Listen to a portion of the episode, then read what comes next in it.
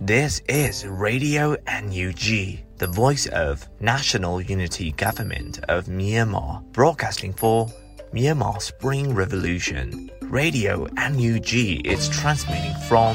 shortwave 16 meter 17.79 megahertz at 8:30 a.m. and 25 meter 11.94 megahertz at 8:30 p.m. Myanmar Standard Time. မင်္ဂလာပါခင်ဗျာ အမျိုးသားညီညွတ်ရေးအစိုးရရဲ့အတန်လွင့်ဌာန Radio NUG ကိုမနက်ပိုင်း၈နာရီခွဲမှာလိုင်းတို16မီတာ7.3 MHz ညပိုင်း၈နာရီခွဲမှာလိုင်းတို25မီတာ17.6 MHz တို့မှာဓာတ်ရိုက်ဖမ်းယူနိုင်နိုင်ပါပြီမင်္ဂလာအပေါင်းနဲ့ပြည့်စုံကြပါစေအခုချိန်ကစပြီး Radio NUG အစီအစဉ်တွေကိုဓာတ်ရိုက်အတန်လွှင့်ပေးနေပါပြီ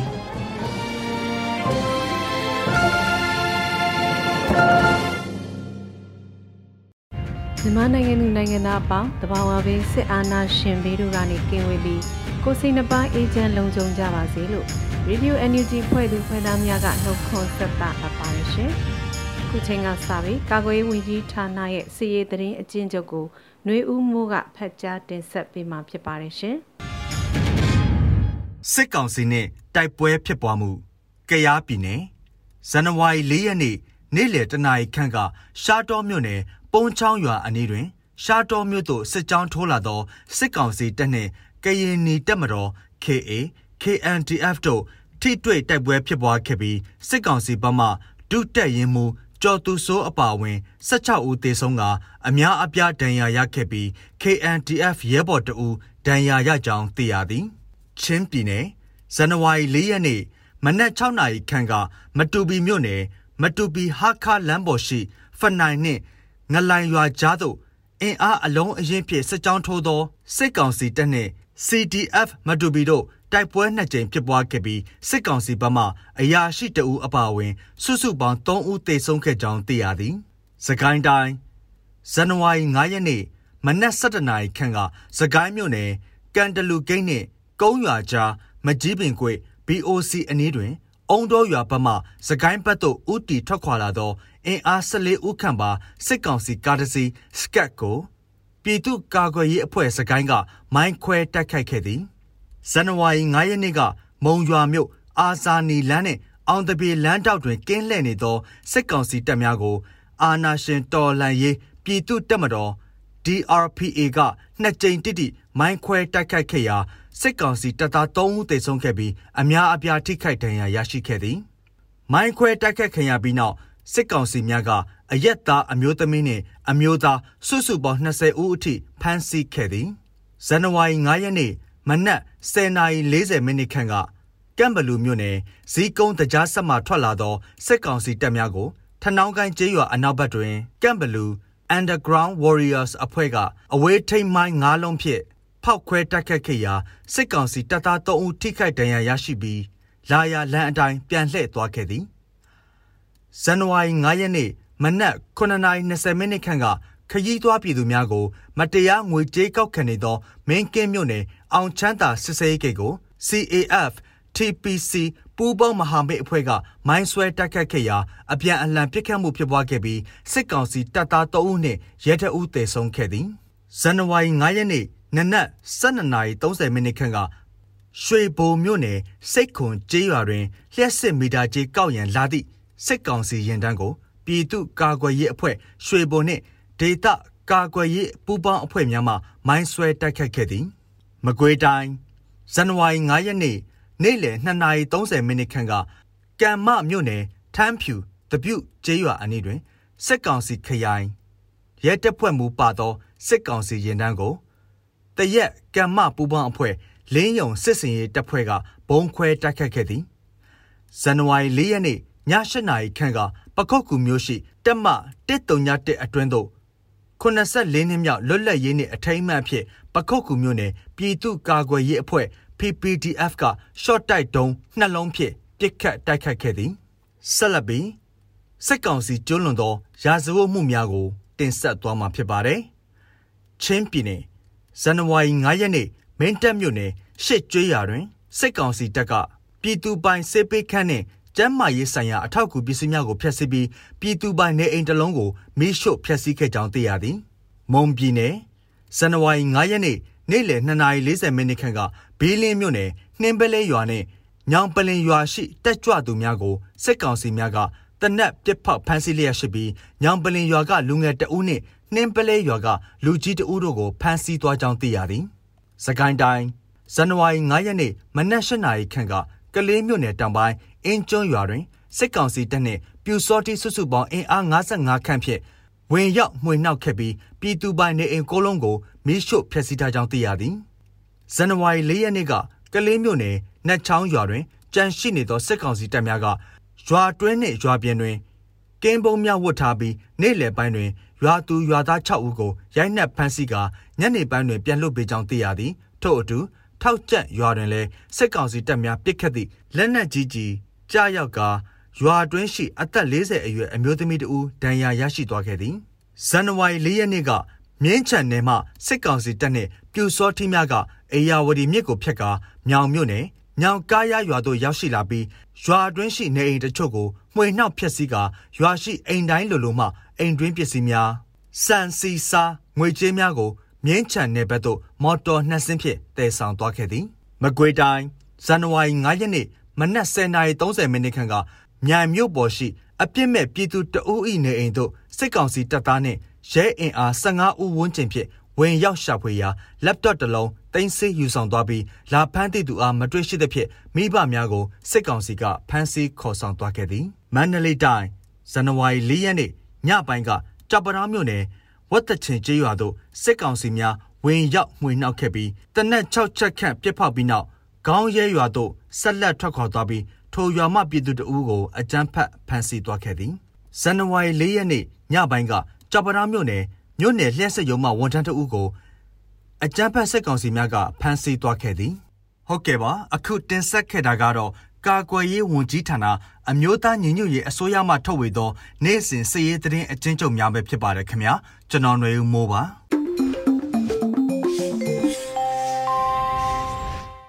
Radio NUG မှဆက်လက်တမ်းလွှင့်နေပါတယ်။ဆက်လက်ပြီးနောက်ဆုံးရပြည်ရင်းသတင်းများကိုຫນွေဦးမောင်ကတင်ဆက်ပေးသွားမှာပဲဖြစ်ပါတယ်ရှင်။ မင်္ဂလာပါခင်ဗျာ။အခုချိန်ကစပြီး Radio NUG မနက်ခင်းသတင်းများကိုဖတ်ကြားတင်ပြပေးပါတော့မယ်။အခုတင်ပြပေးမယ့်သတင်းတွေကတော့ Radio NUG သတင်းတာဝန်ခံတွေနဲ့ခိုင်လုံသောမိဖက်သတင်းရင်းမြစ်တွေမှအခြေခံထားတာဖြစ်ပါတယ်။ကျွန်တော်ကတော့ຫນွေဦးမောင်ပါ။မနက်ခင်းသတင်းများကိုတင်ဆက်ပေးပါမယ်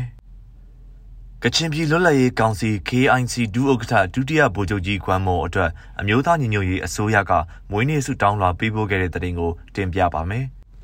ဒီကနေ့မှာကြားရောက်တဲ့ကချင်ပြည်လွတ်လပ်ရေးကောင်စီ KIC ဒုဥက္ကဋ္ဌတဲ့ဒုတိယဗိုလ်ချုပ်ကြီးကွမ်မော်ရဲ့အသက်60ပြည့်မွေးနေ့အတွက်အမျိုးသားညီညွတ်ရေးအစိုးရကာကွယ်ရေးဝန်ကြီးဌာနကမွေးနေ့ဆုတောင်းလွှာပေးပို့လိုက်တယ်လို့သိရပါတယ်။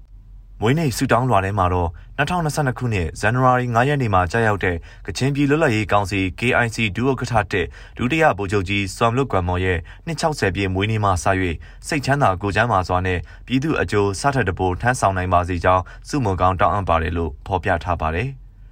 ဒုတိယဗိုလ်ချုပ်ကြီးစွမ်လွတ်ကမော်ကို1963ခုနှစ်ဇန်နဝါရီလ9ရက်စနေနေ့ညနေ9နာရီအချိန်မှာအဖဦးစွမ်လွတ်တူအမိဒေါ်ဂျီစောလီတို့ကမွေးဖွားခဲ့တာပါမြကြီးနားမြို့ပြည်သူ့စေယုံမှာမွေးဖွားခဲ့တာလည်းဖြစ်ပါတယ်ဒုတိယဗိုလ်ချုပ်ကြီးစွမ်လွတ်ကွမ်မော်ရဲ့မြန်မာနာမည်ကဦးတင်စိုးဖြစ်ပြီးတော့အဲ့ဒီဦးမောင်တင်စိုးအမည်ကိုအောင်နှန်းရိတ်တာရက်မှာနေတဲ့အဖွားတော်ကောက် ခေါင်းကိုဖခင်ဦးစံလာ၏မိခင်ကပေးထားတာဖြစ်တယ်လို့ဒုတိယဗိုလ်ချုပ်ကြီးကွမ်မော်က2019ခုနှစ်မှာပြောကြားထားခဲ့ပူပါတယ်။အကြမ်းဖက်စစ်တပ်ကဖေဖော်ဝါရီတက်မှာအာဏာသိမ်းပြီးချိန်ပြည်သူလူထုကလမ်းပေါ်ထွက်ဆန္ဒပြစဉ်အခါကလည်းအကြမ်းဖက်စစ်ကောင်စီကိုပြစ်မိတ်မပေးဖို့အတွက်ဖေဖော်ဝါရီ10ရက်နေ့ကလေးကတောင်းဆိုခဲ့သူပါ။ အမျိုးသားညီညွတ်ရေးအစိုးရကငွေတိုက်စာချုပ်တွေရောင်းချတဲ့အခါမှာလဲငွေကြေးစစ်စစ်မှုလွယ်ကူစေဖို့အတွက် KPICT Kachin Political Interim Coordination Team နဲ့အမျိုးသားညီညွတ်ရေးအစိုးရကိုပူးပေါင်းစေပြီး KPICT ရဲ့ငွေကြေးစစ်စစ်မှုနဲ့ငွေတိုက်စာချုပ်ငွေကြေးစစ်စစ်မှုကိုအကူအညီတွေလည်းပေးခဲ့ပါတယ်။နွေဦးဒေါ်လာရေးမှာပြည်သူလူထုဘက်ကမမမမတ်ရက်ခဲ့သူတူဖြစ်ပြီးတော့ဒေါ်လာရေးလူငယ်တွေစီဒီအန်သမားတွေအတွက်အကူအညီကောင်းတွေကိုပေးအပ်ကူညီခဲ့တဲ့လူတူလည်းဖြစ်ပါတယ်။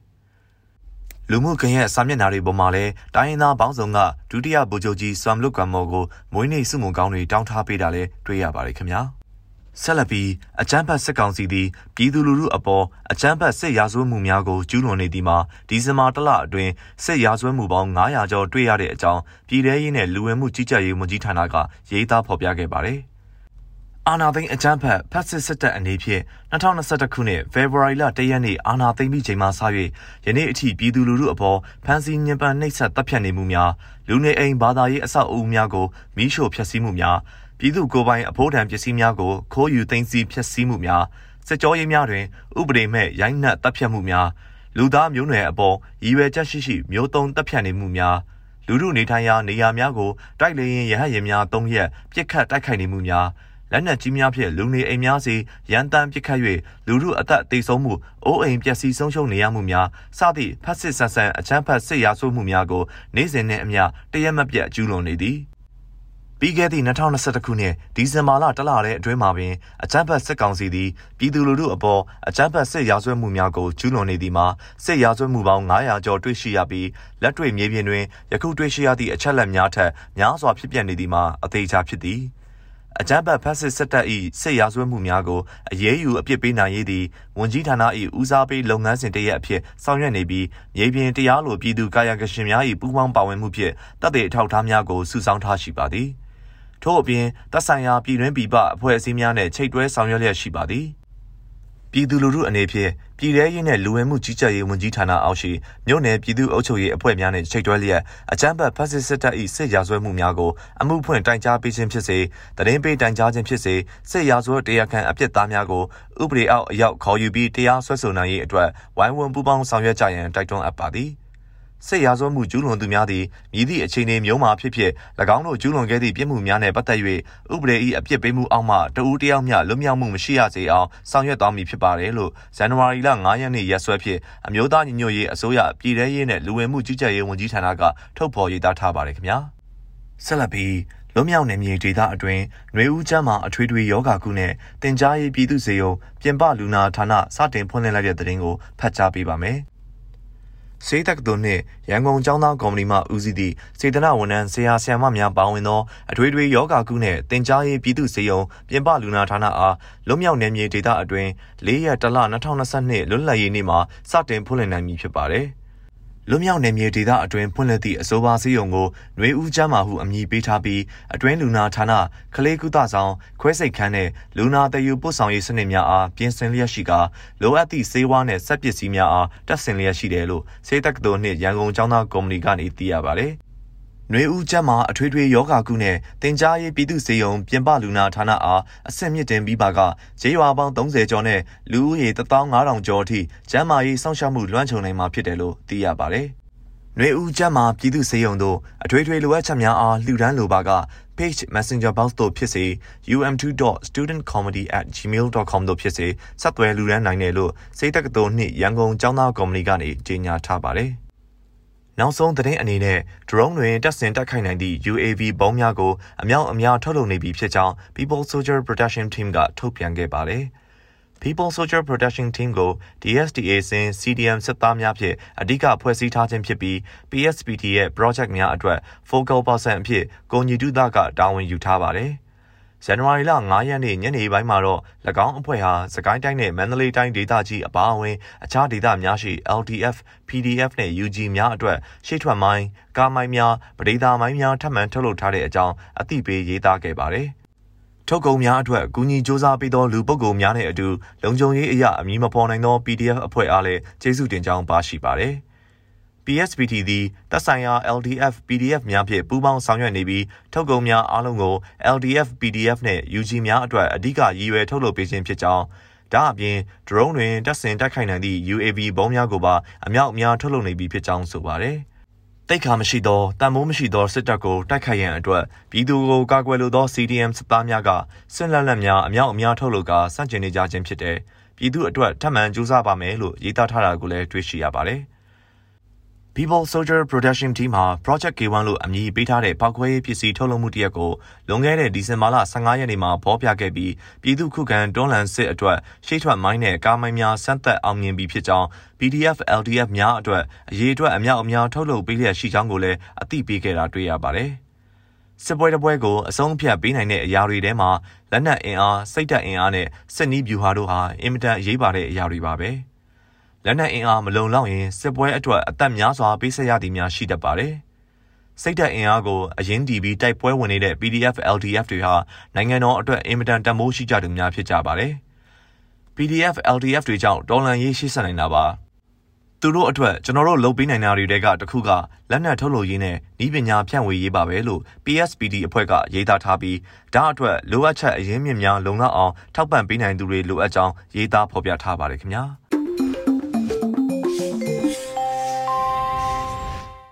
Radio NUG ကိုနားဆင်နေကြရတာပါခုဆက်လက်ပြီးပြည်သူခုခံတော်လှန်စစ်တရင်များကိုကျော်နေဦးကတင်ဆက်ပေးမှာဖြစ်ပါတယ်ရှင်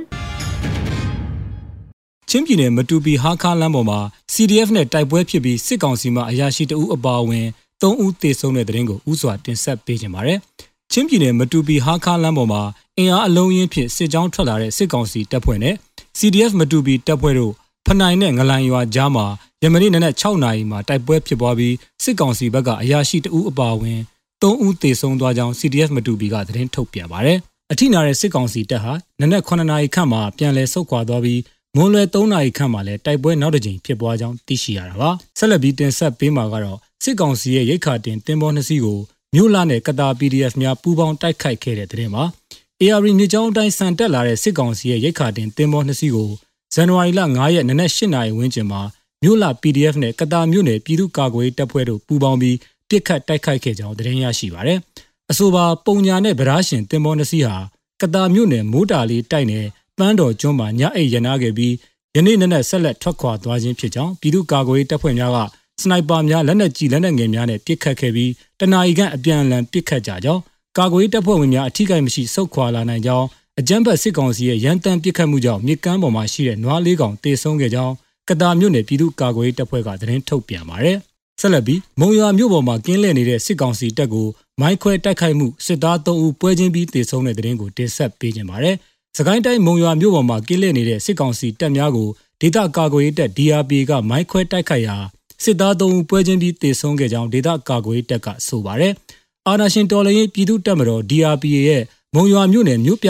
ကြောက်ကြားတပ်ဖွဲ့ကယနေ့နနက်8:50မိနစ်အချိန် မုံရွာမြို့အောင်တပြေလမ်းနဲ့အာဇာနီလမ်းစုံမှာကင်းလှည့်နေတဲ့ဖက်စစ်စစ်တပ်ကိုအဝေးထိန်မိုင်းတလုံးနနက်9:18မိနစ်မှာအဝေးထိန်မိုင်းတလုံးဖောက်ခွဲတိုက်ခိုက်ခဲ့တာပါ။အောင်တပြေလမ်းနဲ့အာဇာနီလမ်းစုံမှာအဝေးထိန်မိုင်းနှလုံးကိုချထားခဲ့ရမှာဖက်စစ်စစ်တပ်ကလာရောက်ဖြုတ်ယူစဉ်ဖောက်ခွဲခဲ့ခြင်းဖြစ်ပြီးစစ်သား3ဦးနေရာမှာပဲပွဲချင်းပြီးတေဆုံးခဲ့ကြောင်းသိရှိရပါတယ်။မြေပြင်တာဝန်ခံရဲ့သတင်းပေးပို့ချက်အရစစ်တပ်ဘက်က9ဦးခန့်အထိသေဆုံးနိုင်ကြောင်းလက်ရှိအတည်ပြုထားတာမှာ 3ဦးဖြစ်ကြောင်းနဲ့ကင်းအဖွဲ့အများစုထိခိုက်ဒဏ်ရာရသွားခဲ့ကြောင်း DRPA ကပြောပါတယ်။နောက်ဆုံးအနေနဲ့အမျိုးသားညီညွတ်ရေးအစိုးရပြည်ထောင်နဲ့လူဝင်မှုကြီးကြပ်ရေးဝန်ကြီးဌာနက2022ခုနှစ်ဇန်နဝါရီလ9ရက်ရက်စွဲနဲ့ထုတ်ပြန်တဲ့ပြည်သူ့ခုခံတော်လှန်စစ်တရင်အချက်လက်တွေကိုတင်ဆက်ပေးသွားမှာပါ။အာဏာသိမ်းအကြမ်းဖက်စစ်အုပ်စုရဲ့ပြည်သူလူထုအပေါ်အကြမ်းဖက်ဖိနှိပ်ဖန်ဆီးတိုက်ခိုက်တပ်ဖြတ်နေမှုများကိုပြည်သူလူထုတရက်လုံးကအသက်ရှင်တန်ရေးအတွက်မိမိကိုယ်ကိုမိမိခုခံကာကွယ်ပိုင်ခွင့်အရာ ပြည်သူခုခံစစ် People's Defensive War ကိုဆင်နွှဲလျက်ရှိပါတယ်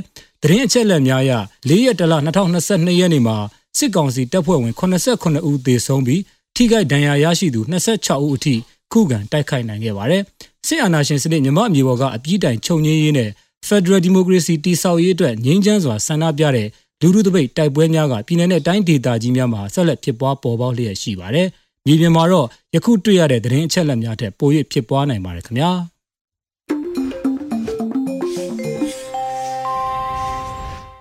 ခုဆက်လက်ပြီးနားဆင်ကြရမှာကတော့နေ့စဉ်သတင်းများပဲဖြစ်ပါတယ်မျိုးတော်တာကတင်ဆက်ပေးမှာဖြစ်ပါတယ်ရှင်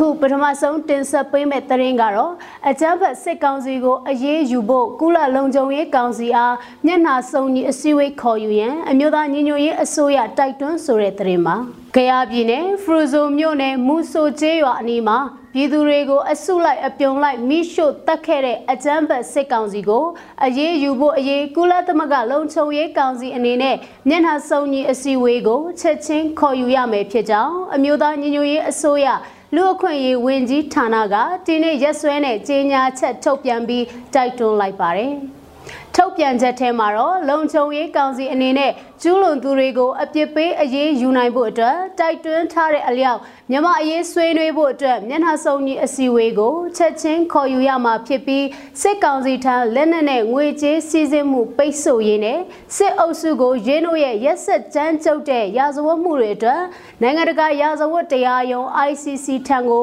လွှဲပြောင်းပေးရေးအတွက်ဆုံးဖြတ်ချက်တရက်ကိုချမှတ်ရမယ်ဖြစ်တယ်လို့ဖော်ပြထားပါတယ်။လုံခြုံရေးကောင်စီအနေနဲ့အကြမ်းဖက်စစ်အုပ်စုကိုကျူးလွန်ခဲ့တဲ့အမှုတွေနဲ့လျော်ညီတဲ့အကြမ်းဖက်အဖွဲ့အစည်းတရက်အဖြစ်စည်ရင်သွင်းကြေညာနိုင်ရေးအတွက်လည်းတောင်းဆိုထားတာတွေ့ရပါတယ်။ မိုးဆိုကျေးရွာအနီးဖြစ်စဉ်မှာအယက်သား42ဦးအထိသေဆုံးနိုင်တယ်လို့လူအခွင့်ရေးဝန်ကြီးဌာနကဆိုထားပြီးအဲ့ဒီအထဲမှာမတန်ဆွမ်းတဦးအမျိုးသား26ဦးနဲ့အသက်12နှစ်အရွယ်မိန်းကလေးအပါအဝင်အမျိုးသမီး9ယောက်ပါဝင်နေတယ်လို့ထုတ်ပြန်ထားပါတယ်။အလောင်းတချို့ကအတီးပြုတ်လို့မရအောင်အထိပျက်စီးနေတာတွေ့ရှိတယ်လို့ဖော်ပြပါသေးတယ်။ ပျောက်ဆုံးစရင်အဖြစ်လာတိုင်တဲ့အထဲမှာအသက်16နှစ်အရွယ်ယောက်ျားလေး9ဦးလဲပါတယ်လို့ထုတ်ပြန်ချက်မှာတွေ့ရပါတယ်။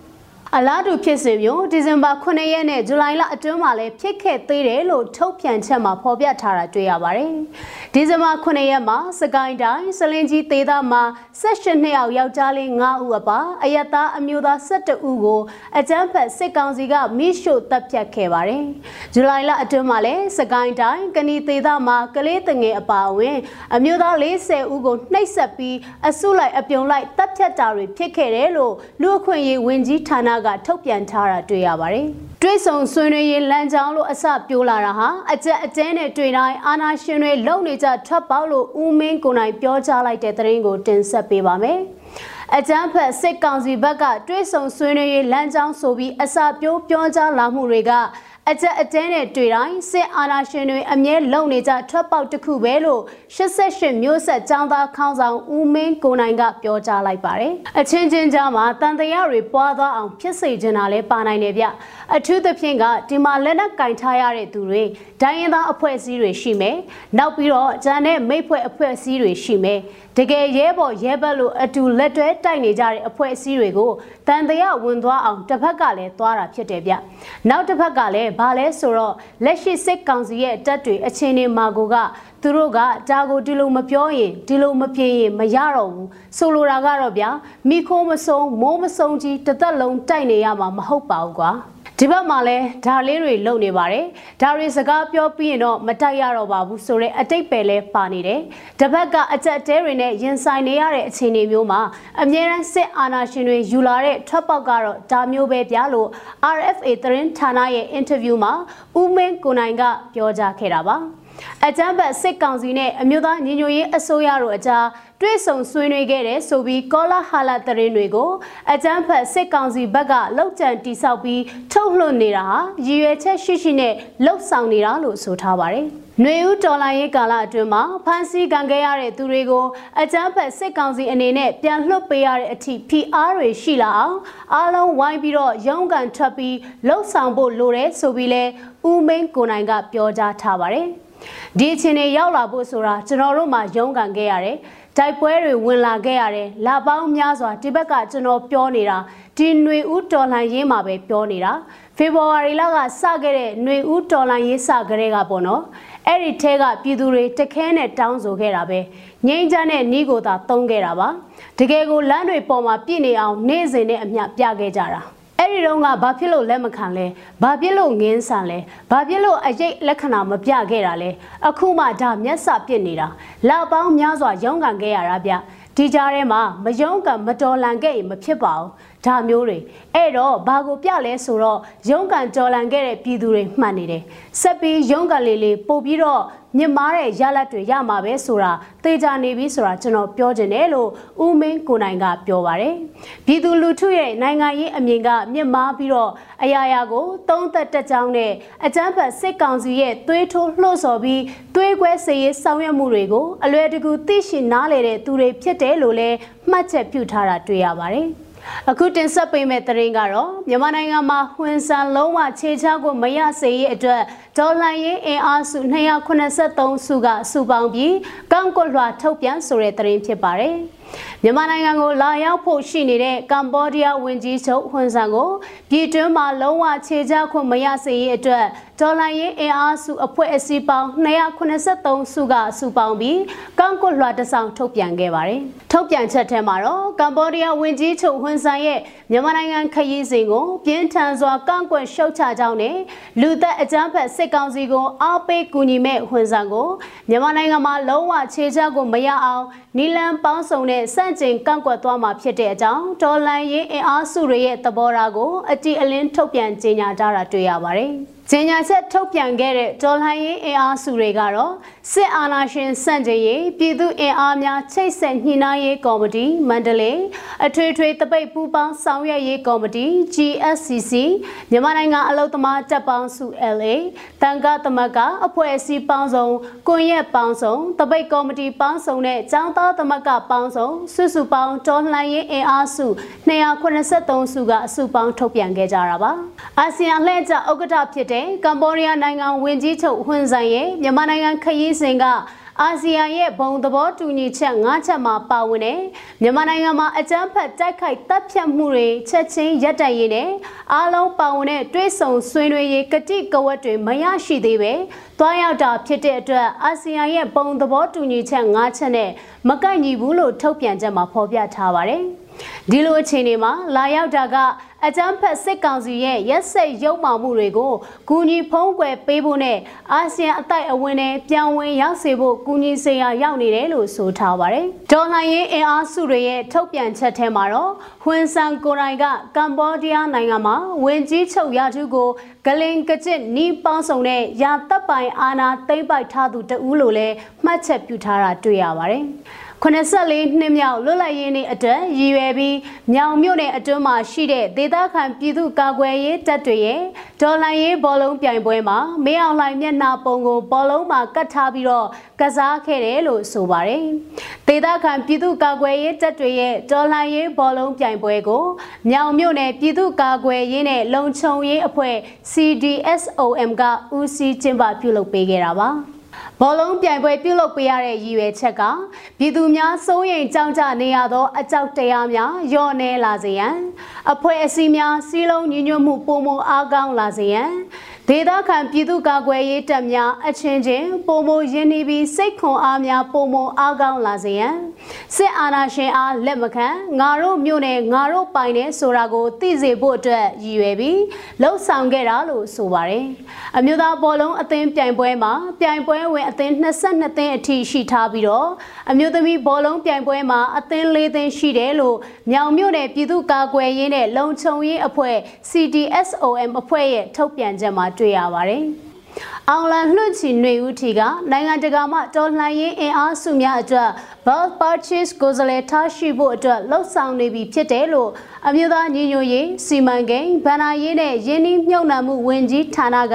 သတင်းထုတ်ပြန်ထားတာပါ။အခုလိုຫນွေဦးထီ bulk purchase ကိုယ်စားလှယ်အစီအစဉ်ပြုလုပ်ရတာကလည်းຫນွေဦးထီကိုပုံမကျပြန့်စွာနဲ့ရောင်းချနိုင်ရေးအတွက်ဖြစ်တယ်လို့ဆိုထားပါတယ်။ နိုင်ငံတကာရောက်မိဘပြည်သူတွေအနေနဲ့မိမိနဲ့နှိစက်တဲ့ຫນွေဦးထီတရဝင်အယောင်ကိုယ်စားလှယ်တွေကနေတဆင့်ဝယ်ယူအားပေးနိုင်တော့မှာဖြစ်တယ်လို့ဆိုပါတယ်။ຫນွေဦးထီထုံရန်ခက်ခဲများရှိပါကကူညီဖြည့်ရှင်းပေးနိုင်ရန်အတွက် Telegram မှာတဆင့်ຫນွေဦးထီ Customer Care Bot TikTok Misled Spring Lottery Customer Care Dashboard ကိုဆက်သွယ်နိုင်ပါတယ်။ကျေးဇူးတင်ပါတယ်ရှင်။ ။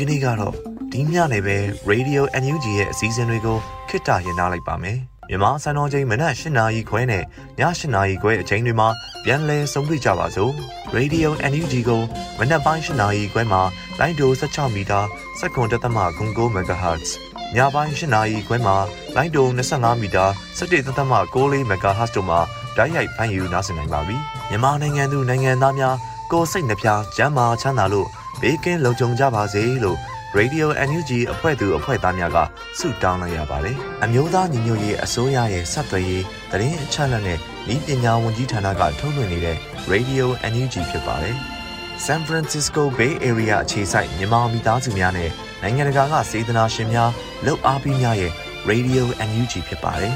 ။အရေးတော်ပုံအောင်ရမည်